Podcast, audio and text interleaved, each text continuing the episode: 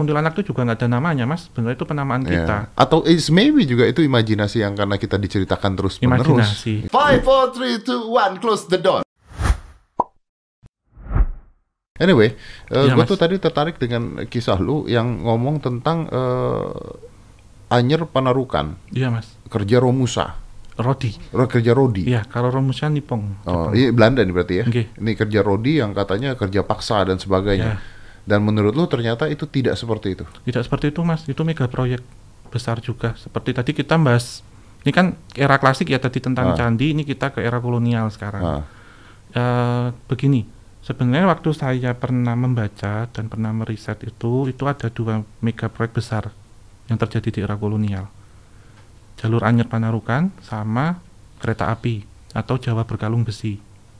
oh, Itu, Mas. Jawa berkalung besi. Iya, Jawa berkalung besi, ramalannya Jayabaya. iya, Itu artinya rel kereta. iya. Karena kan kalau Pulau Jawa itu kan gini tuh Mas Dedi, Hmm. itu kan relnya itu dari Banten sampai Banyuwangi kan terbentang tuh bentuknya kayak kalung mau dipasangin tuh mas Oh, itu kan bentuknya lengkung kan ya, kalung. ya, ya. Jawa berkalung besi dan ini memang mega proyek mas besar banget waktu itu sehingga pemerintah kolonial pun saat membangunnya ini itu pasti perlu dana yang besar Heeh. termasuk eh, para pekerja Tapi kerja Rodi dong, kerja paksa. kerja rodi itu terjadi ketika sebenarnya gini waktu sampai tengah Hmm. kas negara pemerintah kolonial itu habis mas kas negara jadi waktu itu kemudian pemerintah kolonial bekerja sama dengan dengan penguasa setempat itu minta warga untuk bekerja membantu maksudnya masuk dalam proyek ini Hmm. Tetapi memang kucuran dananya kemudian kan dibatasi. Ya. dibatasi.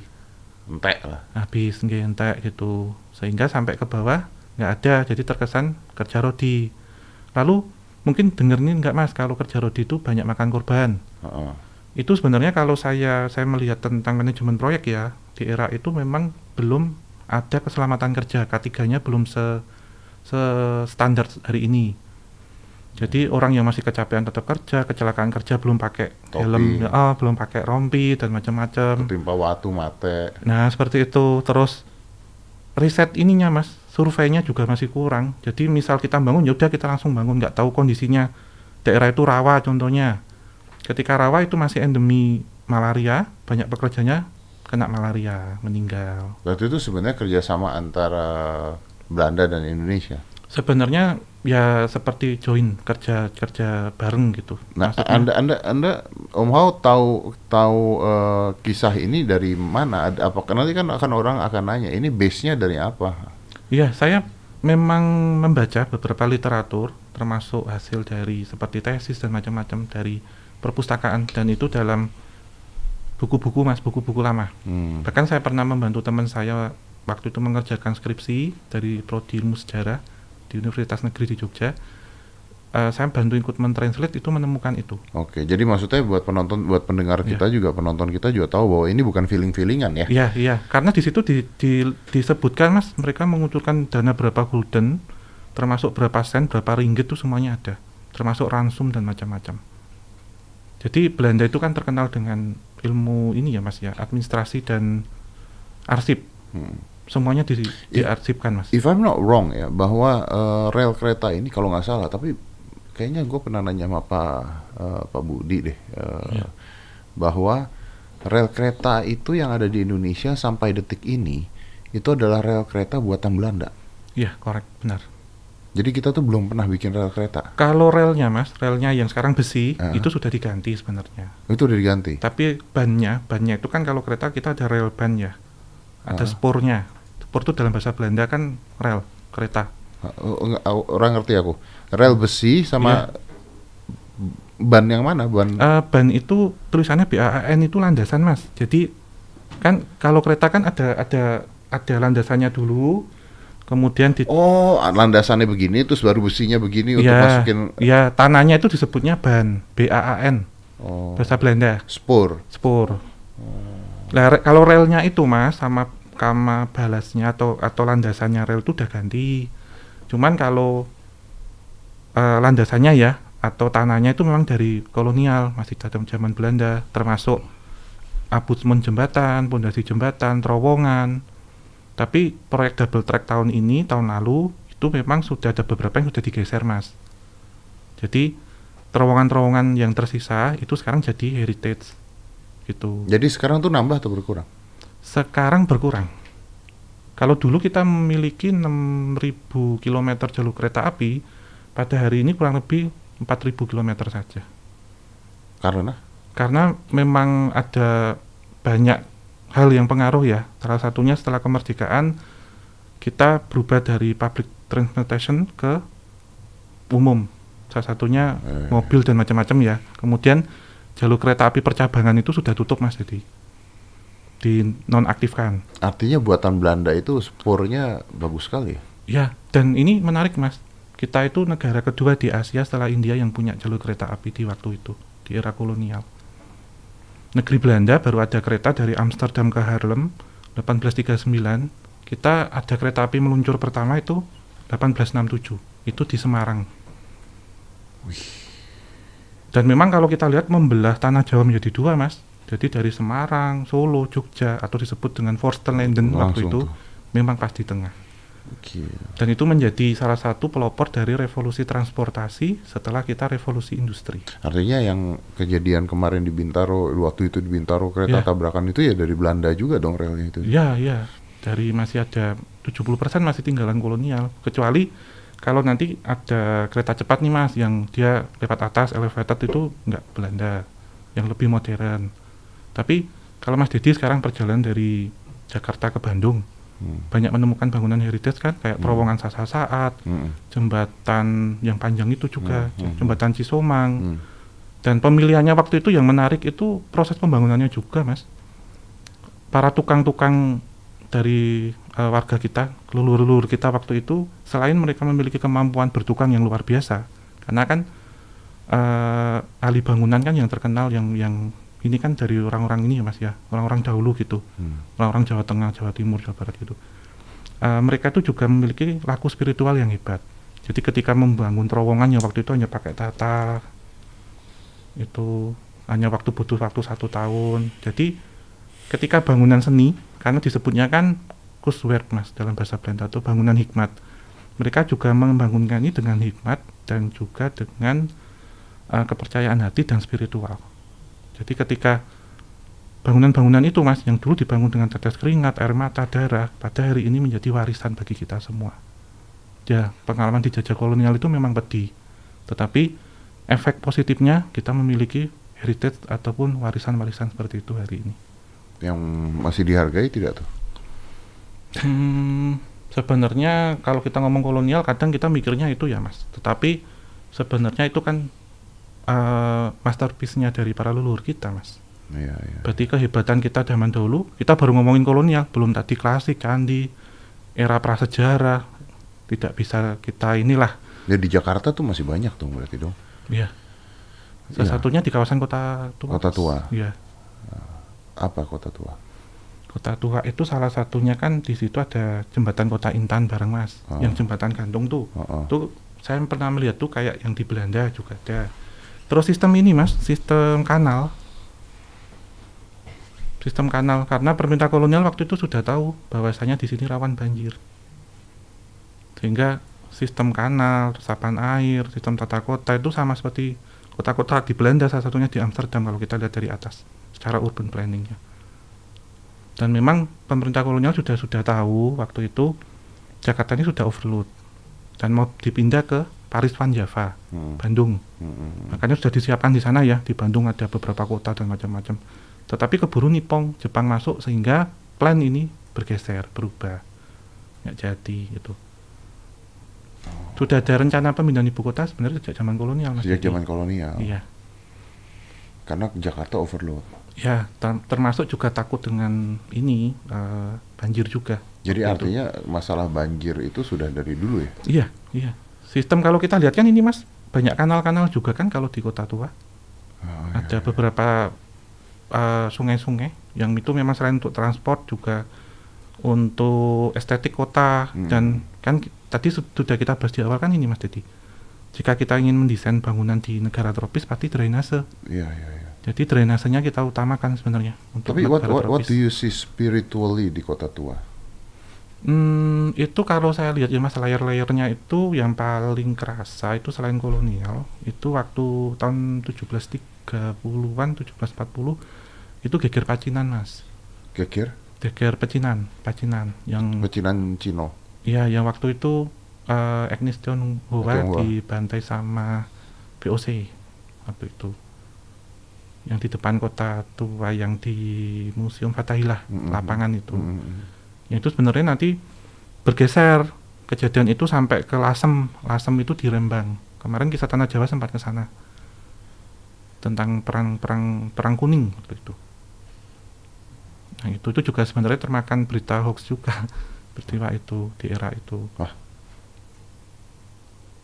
jadi ada apa pembatasan macam-macam gitu loh mas. Heeh. Terus Belanda kan divided emperor mas dari zaman dulu. Itu terus ada dua itu kalau di kota tua tentang eksekusi mati mas dulu di balai kota Mm, yang itu ditontonkan di seluruh orang. Ya, itu kan ceritanya di mana-mana tuh. Ya. Terus benar tuh. iya kurang lebihnya memang seperti itu karena sistemnya kan masih kolonial mas memang waktu itu yang Terus Ya. kalau lu ada di sana, what do you feel? eh sebenarnya perasaan apa yang saya lihat itu kalau residualnya itu kan ada dua mas. Ada memori sama energi. Hmm. kalau residual memori itu terkadang yang masuk ke dalam. Jadi saya seperti merasakan kejadiannya waktu itu. Jadi memori itu kan berasal dari manusia mas. Dari orang yang dulu pernah ada di situ singgah di situ. Tapi kalau residual energi itu bisa sampai aroma mas. Bisa kerasa. Oh ya. Iya, bisa aroma kalau maaf ya kalau tempat pembantaian atau apa aroma darah, suara tangisan itu masih keputar di situ. Masih keputar di sana. Iya, bahkan waktu saya ke Hiroshima ke Jepang itu masih masih men- mencium bau menyerupai mesiu waktu itu. Dan saya kan ke sana sama Mbak Citra Prima, itu kita berdua sama ngerasainnya. Ya, ya, ya, ya. I think it makes sense kalau kita ngelihat dari sisi analoginya juga masuk akal ya. Iya. Orang kalau apa eh, penciuman tuh kan bisa lari ke mana-mana ya. Orang kalau lapar aja kadang-kadang nyium sate ya. Iya, padahal Ya. nggak ada. Padahal nggak ada. Iya, yang yang katanya tuh kan di gedung eh, di ya, di apa eh, gedung tuanya iya. itu sering ada suara tangisan orang katanya Iya, gitu. Itu bener ada suara tangisan orang atau orang nakut-nakutin doang aja. Iya, kalau ini saya kaji ya berdasarkan eh, metafisik nih mas ya, nggak nampak ya. Hmm. Itu ada dua sebab mas Dedi. Hmm. Pertama dari residual energi yang pernah terjadi, misal di situ ada pembantaian atau penyekapan atau apa di situ ya. Hmm. Yang kedua itu memang ulah dari makhluk astral yang tujuannya untuk menakut-nakuti ketika kita takut justru Hmm. dan kita tersugesti dulu. Kalau yang dari pertama ini kan tidak ada apa-apa sebenarnya di situ, Hmm. tetapi lingkungannya merekamnya seperti itu. Dan, Jadi dan rekaman itu keluar. gitu keluar. Jadi ketika posisi kita lagi tenang, kita lagi nyantai, ngerokok aja lah, itu pasti denger kok sedikit. Tapi kalau yang ulah makhluk astral ini, itu biasanya membaca pikiran kita, mas. Hmm. Kemudian dimanipulasi, ditampakkannya seperti itu, dan justru lebih lebih serem Saya dari pernah kenyataan. pernah tahu di daerah mana gitu di Inggris atau di mana itu ada satu gedung gitu yang dia suka suara tangisan dan sebagainya lalu di dicek eh, dicek juga secara eh, sistematis dan maksudnya eh, ini ya ilmu ya. Iya, Jadi ternyata memang di tembok-tembok tersebut merekam suara, merekam suara-suara tertentu. Gitu. Iya. Dan ketika ada hembusan angin-angin tertentu, suara itu kayak tape recorder keputar Terputar gitu lagi, katanya iya. gitu. Iya, Jadi Mas. orang pun bisa dengerin sebenarnya. Dan itu nggak ada yang mistik tentang hal itu katanya. iya. Jadi kan kalau kita lihat ini kan direkam ya, mas, masuk ke, ke Hmm. alatnya kan pasti nanti ada besi berani Hmm. atau apa. Sini kan juga pasti walaupun hanya seperkian persen kan pasti ada partikel besi dan macam-macam toh mas itu yang bisa nangkep sebenarnya tapi ketika itu bereaksi bertemu dengan materi lain dia akan masuk lagi akan kedengar lagi dan manusia ini kan eh, ada tingkat kesadarannya tertentu mas ketika kita semakin konsentrasi seperti mas Dedi dulu konsentrasi Iya, gitu. iya. itu kan fokusnya, Fokusnya itu pada satu titik ngambil itu ya. mas iya jadi ketika ketika saya dulu yang saya lakukan misal saya harus bersih bersih diri mandi kemudian menenangkan diri itu saya konsentrasi nanti bisa mas masuk Tapi ada nggak di tim dari kisah tanah Jawa yang tidak percaya pada hal-hal gaib seperti ini? ada di Ada. awalnya seperti itu tapi ketika kita jalan merasakan sendiri tahu sendiri secara six sense aktif lagi gitu mas Dedi Oh, oh, kirain ini apa namanya masuk. ya ya ya ya. Sebenarnya six sense itu ya kayak bahasa kok mas. Kalau setiap hari dipakai ya bisa sendiri kok tajam tanpa kita belajar. Maksudnya bahasa apa pun kita kan diajari bahasa ibu ya dari kecil. Hmm. kayak bahasa Indonesia lah. Kita tanpa, tanpa tahu grammar apa tapi karena untuk konversasi setiap hari ya bisa. Six sense itu sebenarnya seperti itu. Kenapa sih tujuannya untuk puasa? Sebenarnya itu untuk menenangkan diri contohnya. Ketika kita kosong hawa nafsu kita kita kendalikan maka eh, gelombang di otak itu kan turun mas. Ketika turun kan tenang berarti. Ya, gue tuh suka ini ada beberapa hal yang menurut gue tuh agak-agak aneh. Kayak misalnya di di mana itu? Di Jogja ya, Iya, yang Mas. pohon kembar tuh. Oh yang diseberangi. Yang di seberangnya, Iya, iya. yang apa tutup mata, mas angin. Masuk Mas di ya? antara dua pohon beringin. Heeh, kalau tutup mata nggak bisa gitu katanya, Mm-mm. atau gimana sih? kalau itu kita jalan ke situ Heeh. tapi nanti kita tutup itu bisa bisa melewati dua pohon itu tidak gitu. Heeh. Kalau menurut saya kan analoginya gini aja sederhana Hmm. aja. Kalau kita tutup mata kita kehilangan arah sebenarnya secara tidak sengaja. secara visual secara visual, Iya. apalagi tanahnya kan bergelombang kan, Iya. gitu kan. Nah kalau itu sejarahnya apa bro? kalau itu ini mas sebenarnya itu menurut saya pribadi nih maaf ya Hmm. itu tempat sakral sebenarnya Tempat sakral. ya zaman dahulu dipergunakan untuk menguji niat hati dari prajurit contohnya prajurit keraton. Ah, karena kan butuh konsentrasi Thomas kalau perang. Hmm. jadi itu untuk ngetes alat ngetes. Orang ini kalau Bukan gaib dong berarti. Eh, bukan. Lebih lebih ke apa ya lebih ke ini kayak alat tes psikologi gitu Iya, iya, iya, jadinya. Lah orang sekarang kan iseng-iseng berhadiah Thomas masuk situ jadi nggak fokus. Kasarannya kan gitu. Kalau orang dulu kan memang tetap mas mantep hati. Jadi ketika ditutup itu yang ngerasa ya setiap orang jalan Ya. setiap orang mera- merasakan arah arah angin datang kan pohon kan pasti anginnya kan muter mas Iya makanya.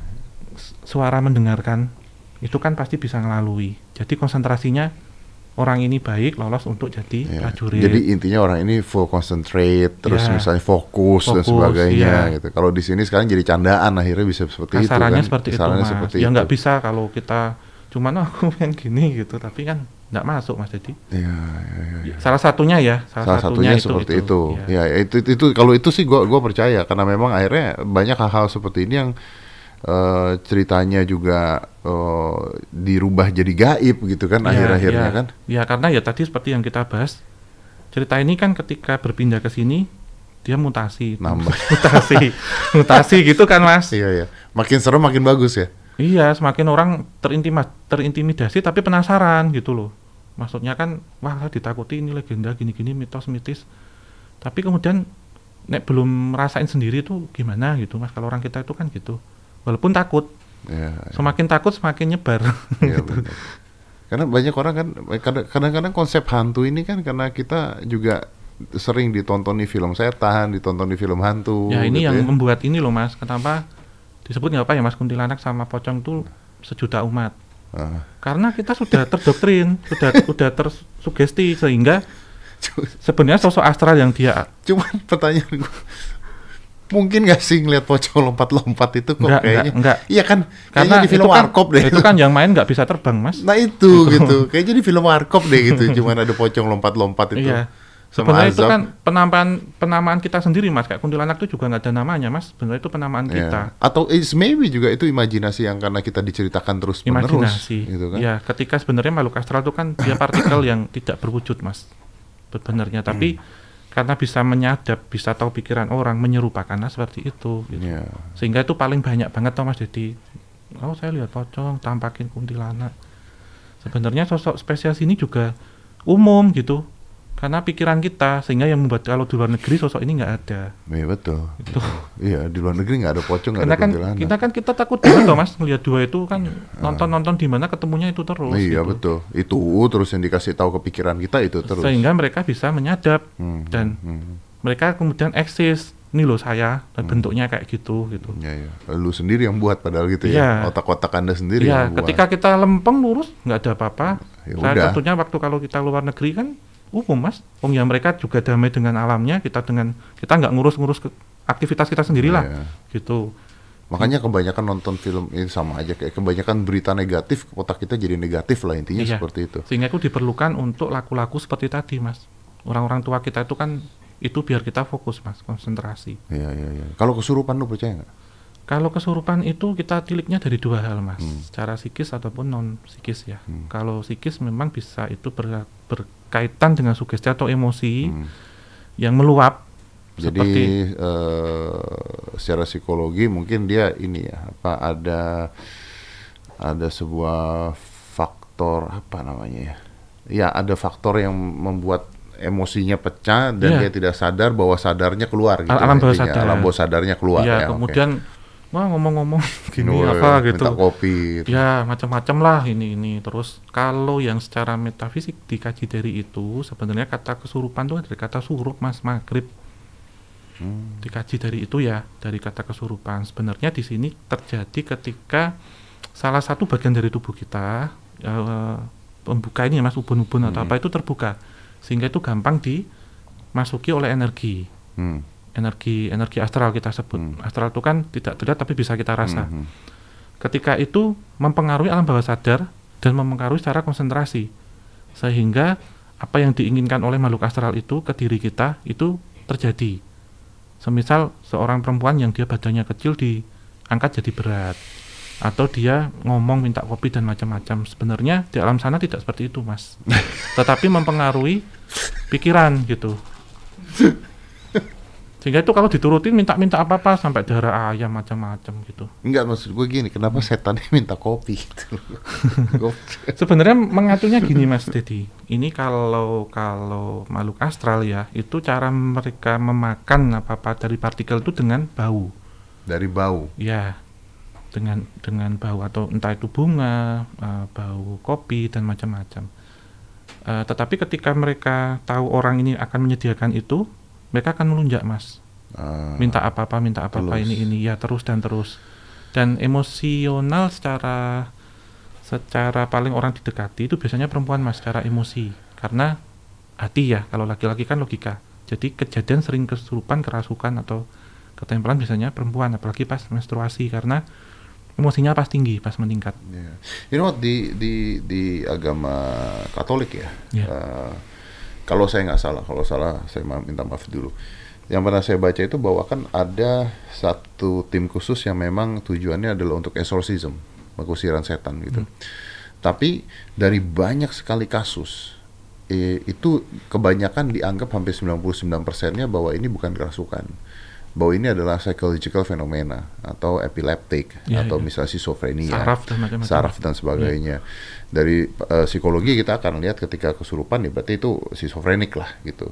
Tapi dari one case ya ada satu kasus ya, cuma satu kasus yang sampai detik ini belum belum terjawab apa is the exorcism of Emily Rose.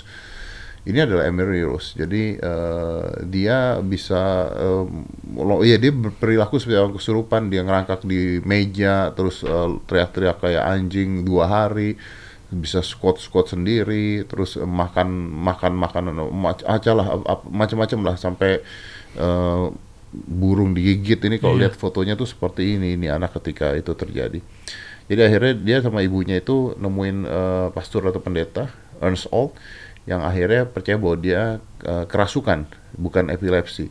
Tapi gua nggak tahu endingnya apa ini ya. Dia meninggal.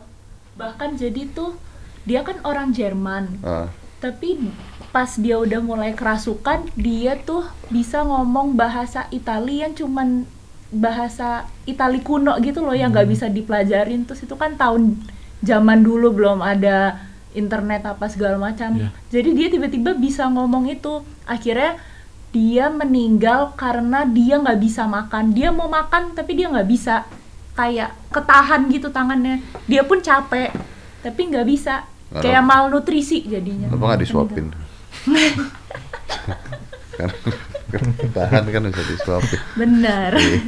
Ibunya nih berarti ibunya tidak ngurus anaknya karena tidak disuapin. Terus katanya kesurupan sama enam 67. 6 demons. Oh, Oh. six demons.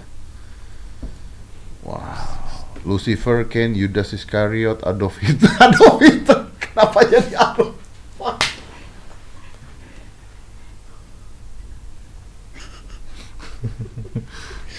Bentar, bentar.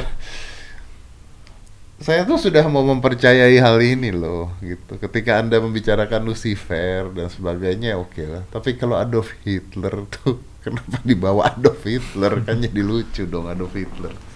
Dia kumisan dong setannya. ini tuh dia tuh itu sampai sampai seperti itu tuh. Nah ini ini juga nggak tahu juga nggak tahu ya kalau gua tidak berani ngejudge itu apa karena apalagi di zaman itu mungkin eh kedokteran juga belum ini ya kan? Iya, teknologi medis juga itu mas harus It- dikaji. betul. Coba di atas apa? They think is over the dead. It goes on Judas saying Hitler was nothing but a big mouth who has no say in hell. The demon oh demonnya argue each other.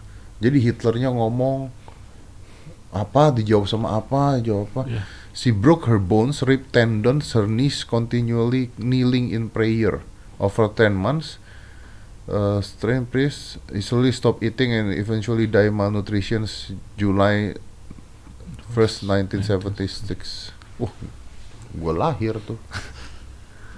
45 tahun yang lalu mas. Iya, pindah ke saya. Mas.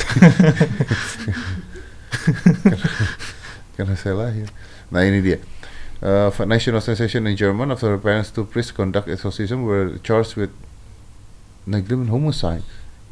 They came before court and even used a recording exorcism to try to justify the actors. Oh, jadi dianggapnya penyiksaan juga. ya? Iya, jadi pendetanya jadinya dihukum tiga tahun karena dianggap ya pokoknya berseberangan lah gitu. Dengan ilmu kedokteran dan Ha, dengan ilmu kedokterannya gitu.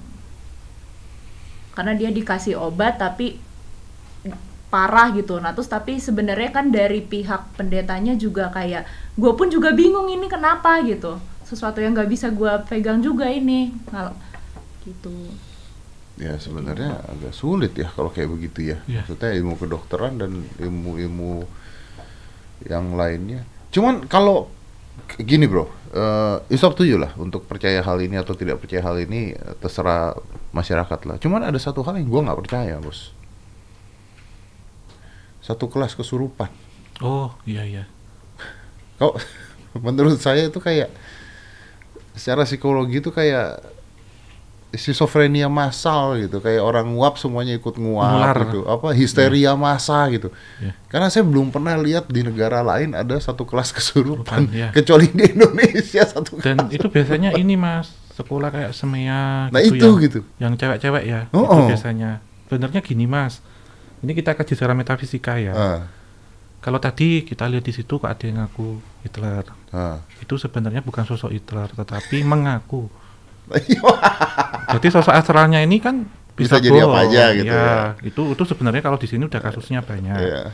Lalu kalau kesurupan masal mas, itu terjadi sebenarnya kita melihat psikis lokasi eh, daerah itu dulu. Hmm. Semisal mau ujian biasanya. Benar tidak mas kalau mau ujian? Terus banyak tugas. Karena kita sendiri sudah setiap hari juga udah udah bengek mas dengan itu sehingga banyak kosong, banyak ngelamun. Ketika ada temannya ini kan secara sugesti semua ke bawah. Kemudian di, dipencokin ataupun ditunggangi oleh energi astral ini bisa nyebar gitu.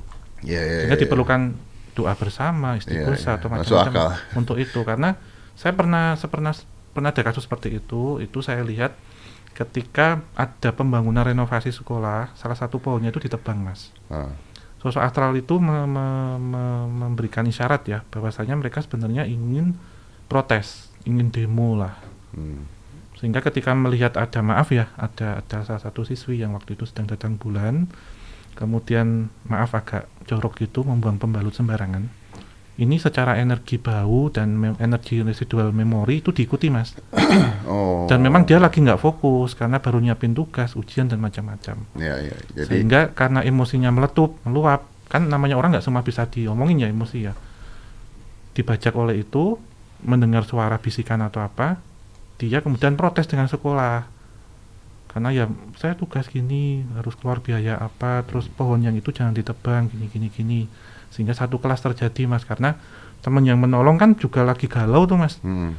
jadi sekarang lihat temennya udah kayak gini sayanya juga nggak fokus konsen dimasukin Iya berarti seperti hipnotik massal kan. iya Ya, ya. ketika kosong mas Ketika kosong seperti Iya. hipnotis massal Iya. endingnya kan. ketika orang banyak pikiran tuh sebenarnya Iya. kan kosong mas dia tidak fokus dengan Nggak satu fokus pikiran dengan satu pikiran Iya. iya. Atau saya juga sempat berpikir gini, itu secara metafisik oke saya mengerti, saya masuk ke sana. Atau jika mungkin satu kelas kompak kan nggak mau ujian, diundur kan iya mas kalau kejadian gitu diliburin diliburin.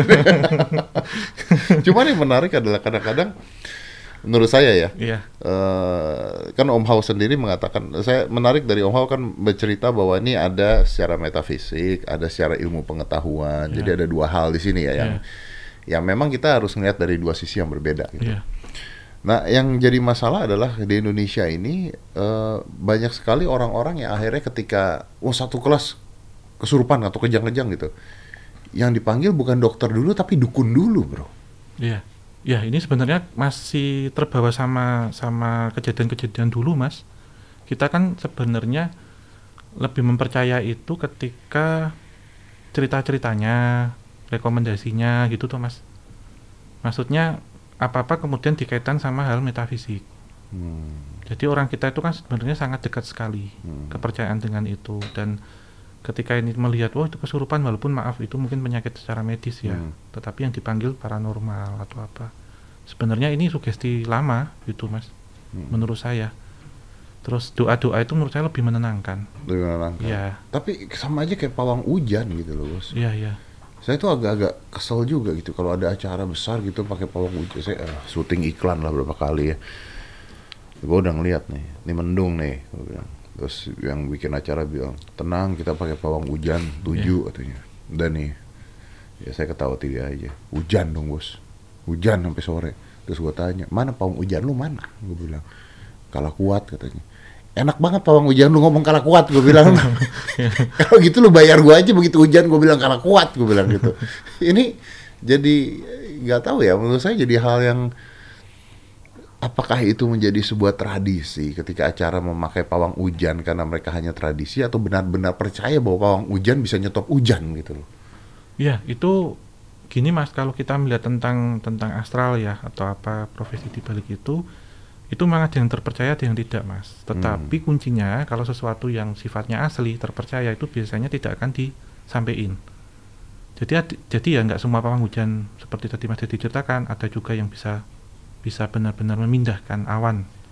Ada tuh bisa pindahin awan. ada jadi di sini memang ada satu kemampuan yang seperti orang itu laku ritualnya tinggi mas. Medinya tinggi. Sehingga lantaran itu lantaran energinya itu namanya kita air aja kita doain kan Hmm. menurut penelitian ada Hmm. ada ini ya mas Ya, perbedaan mele- molekul ya eh, dengan dengan berlaku seperti itu mungkin juga eh, struktur yang ada di atas struktur alam eh, struktur awan itu bisa bisa memecah ataupun apa Tapi kalau memang pawang hujan itu ada dan sebagainya, kenapa Pak Anies Baswedan tidak menggunakan pawang hujan ketika banjir? Wah itu saya nggak bisa jawab. Karena saya bukan Pak Anies. Mas. Oh iya, iya. Mau hujan kan seribu pawang hujan. Banjirnya pindahin ke Bogor. titik Jakarta ya. Iya, pindahin Bogor, Bekasi. Bekasi pakai pawang hujan, pindahin Bandung. Ada pawang hujan juga udah hujan. Iya bener. Udah kota hujan dia. Hmm. Saling, jadi tinggal adu kuat pawang hujan gitu untuk mindahin banjir tuh sebenarnya tinggal adu kuat pawang hujan sebenarnya. Iya sih, wow. This is very interesting loh. Habis ini mau ke mana lagi bro? Habis ini saya mau bertemu dengan Mbak Sarah Wijayanto. Kita mau penelusuran. Mau penelusuran? Iya, Mas Didi ikut tuh kapan-kapan? Iya, saya diajakin, saya masih ngutang sama dia loh. Ya sama Mbak Sarah ya. Iya. Kebetulan pas ke Jakarta nanti sekalian ketemu Mbak Sarah juga. Uh, penelusuran di mana? Eh, dekat-dekat Jakarta Mas. Paling kita kolonial-kolonial lagi lah nanti lihat residual energi gitu. Oh. sejarah-sejarah gitu karena gini mas kenapa kok kisah tanah Jawa itu saya dan teman-teman memanggil teman-teman untuk sejarah ya mas ya kita selalu ingat itu jas merah jangan sekali-sekali meninggalkan sejarah don't leave no history dari Bung Karno karena Hmm. gini mas kalau tadi kita cerita ini kan kita jadi kagum ya dengan leluhur kita ya Mm-mm. Bangsa yang besar itu dapat diruntuhkan dapat dihancurkan ketika generasi mudanya lupa, dengan lupa pada sejarah. sejarahnya betul betul Sehingga ini yang tugas-tugas kita untuk membimbing anak-anak yang terlahir sekarang itu biar paham akan sejarah, biar kita bangga. Kemudian nasionalisasi kita, nasionalis kita meluap-luap, kita tetap kuat dengan ya, bangsa dan negara ini gitu. Biar tidak bisa dimasuki paham asing yang negatif, radikal macam-macam karena sejatinya peradaban kita luar biasa Mas Didi. I- I'm agree with that. Jadi intinya mah sederhana lah ya. Anda mau percaya mistik tidak percaya mistik, tapi ada satu hal yang ditanamkan di sini sejarah mah ada. gitu Iya, ya. Dan iya. itu yang harus di dijaga. Iya, Ah, sejarah itu kan peristiwa yang pernah terjadi, hmm, eh, tidak akan pernah terjadi lagi, tapi polanya yang akan terjadi. iya, iya. Jadi kalau kita lihat 100 tahun yang lalu ada pandemi Pandemi ya flu Spanyol toh Mas. Oh, iya, Hari betul. ini kita ada lagi, tapi tidak akan terulang lagi itu. Sudah ter- tertulis di situ, sudah tercatat di situ, sudah ada di situ, tapi polanya ketika kita melihat polanya jadi kita bisa prepare Mas, persiapan Iya, iya. yang akan terjadi seperti ini dan itu ke depannya seperti apa sehingga ada retrokognisi pasangannya prekognisi Hmm, Retro itu untuk menganalisis, untuk mengambil peristiwa yang pernah terjadi berdasarkan literatur dan macam-macam untuk kita sajikan. Tapi kalau pre itu berdasarkan statistika dan probabilitas, mas. Data-data yang terhimpun, Kita, Kita- untuk melihat masa depan seperti ya apa. lebih tepatnya untuk memprediksi. Kalau mohon maaf ya mas Didi, kalau ada istilahnya melihat itu sebenarnya kita mendahului dan itu belum tentu terjadi. Hmm, Tapi ketika kita memprediksi, berarti kan probabilitasnya 50%. hmm. Bisa terjadi, bisa tidak Ya, terjadi. sehingga mengikuti kaidah statistika dan probabilitas. Statistik itu data yang diolah, probability berarti yang akan terjadi peluang. Gitu. Kalau retro kan analisis histori. Nah, dari data-data analisis retrokognisi digabung dengan statistik jadilah prekognisi. Ya, ya, ya, ya. Jadi bisa kita hitungkan akan yang terjadi apa gitu. I'm agree with you. Thank you loh Om Hao sudah jauh-jauh dari Jogja ya, Ya, dari Jogja. ya. Saya dan teman-teman juga mengucapkan banyak terima Saya kasih. terima kasih banyak. saya pribadi juga karena ngefans sama Didi dari dulu nonton yang konsentrasi itu hari ini bisa ngobrol bareng alhamdulillah gitu Saya juga suka nonton tuh uh, kisah Tanah Jawa. Ini juga gini ya. Ini mungkin buat teman-teman tapi teman tapi penonton saya tahu lah gitu. Saya tuh tidak pernah ada masalah dengan orang-orang yang menyebut dirinya indigo, menyebut dirinya paranormal, menyebut saya tuh tidak pernah ada masalah karena saya selalu mengatakan kalian mau percaya nggak percaya itu urusan sendiri gitu ya. Kalau saya ngeliat dari karena saya base-nya adalah psikologi, saya ngeliat dari psikologi.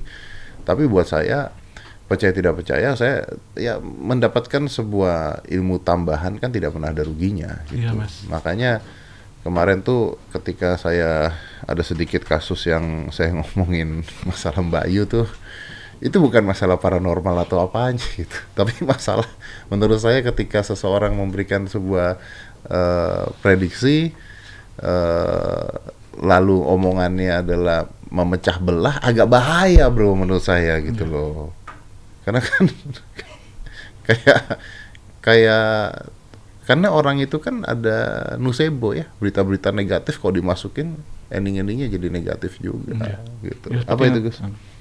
Ya ampun. Ini udah punya dari berapa lama ya kita nggak pernah ngasihin orang loh luar biasa. D- Ada titipan dari Agus ini isinya tas. kita nggak jual sih. Kita buat sendiri. Terima kasih. makasih banyak Ah, mas ini Ya mas itu. Didi ya uh, uh. mbak Itu Mas bagus loh. Nggih. Nah, bagus Nanti karena kita simpan di kantor Iya. kenang-kenangan dari usah dipakai bagus jadi kita mau jual tapi nggak jadi kita jual kita kasih kasihin orang doang yang kita sayang ya Terima kasih oh wow thank you very much for coming Iya, terima iya. kasih banyak nih mudah-mudahan bisa mencerahkan banyak orang Amin, thank ya you dan ingat alamin, ya. bahwa sejarah harus tetap diingat ya karena itu Iya. adalah kekayaan bangsa kita ya bangsa yang besar adalah bangsa yang menghargai para pejuang dan sejarahnya amin Betul. betul salam rahayu mas Didi Salam rahayu Mugia buat- tansah pinaringan rahayu sagung dumati J, matur nuwun J. Amin. Amin. Let's close this. Five, four, three, two, one. Close the door.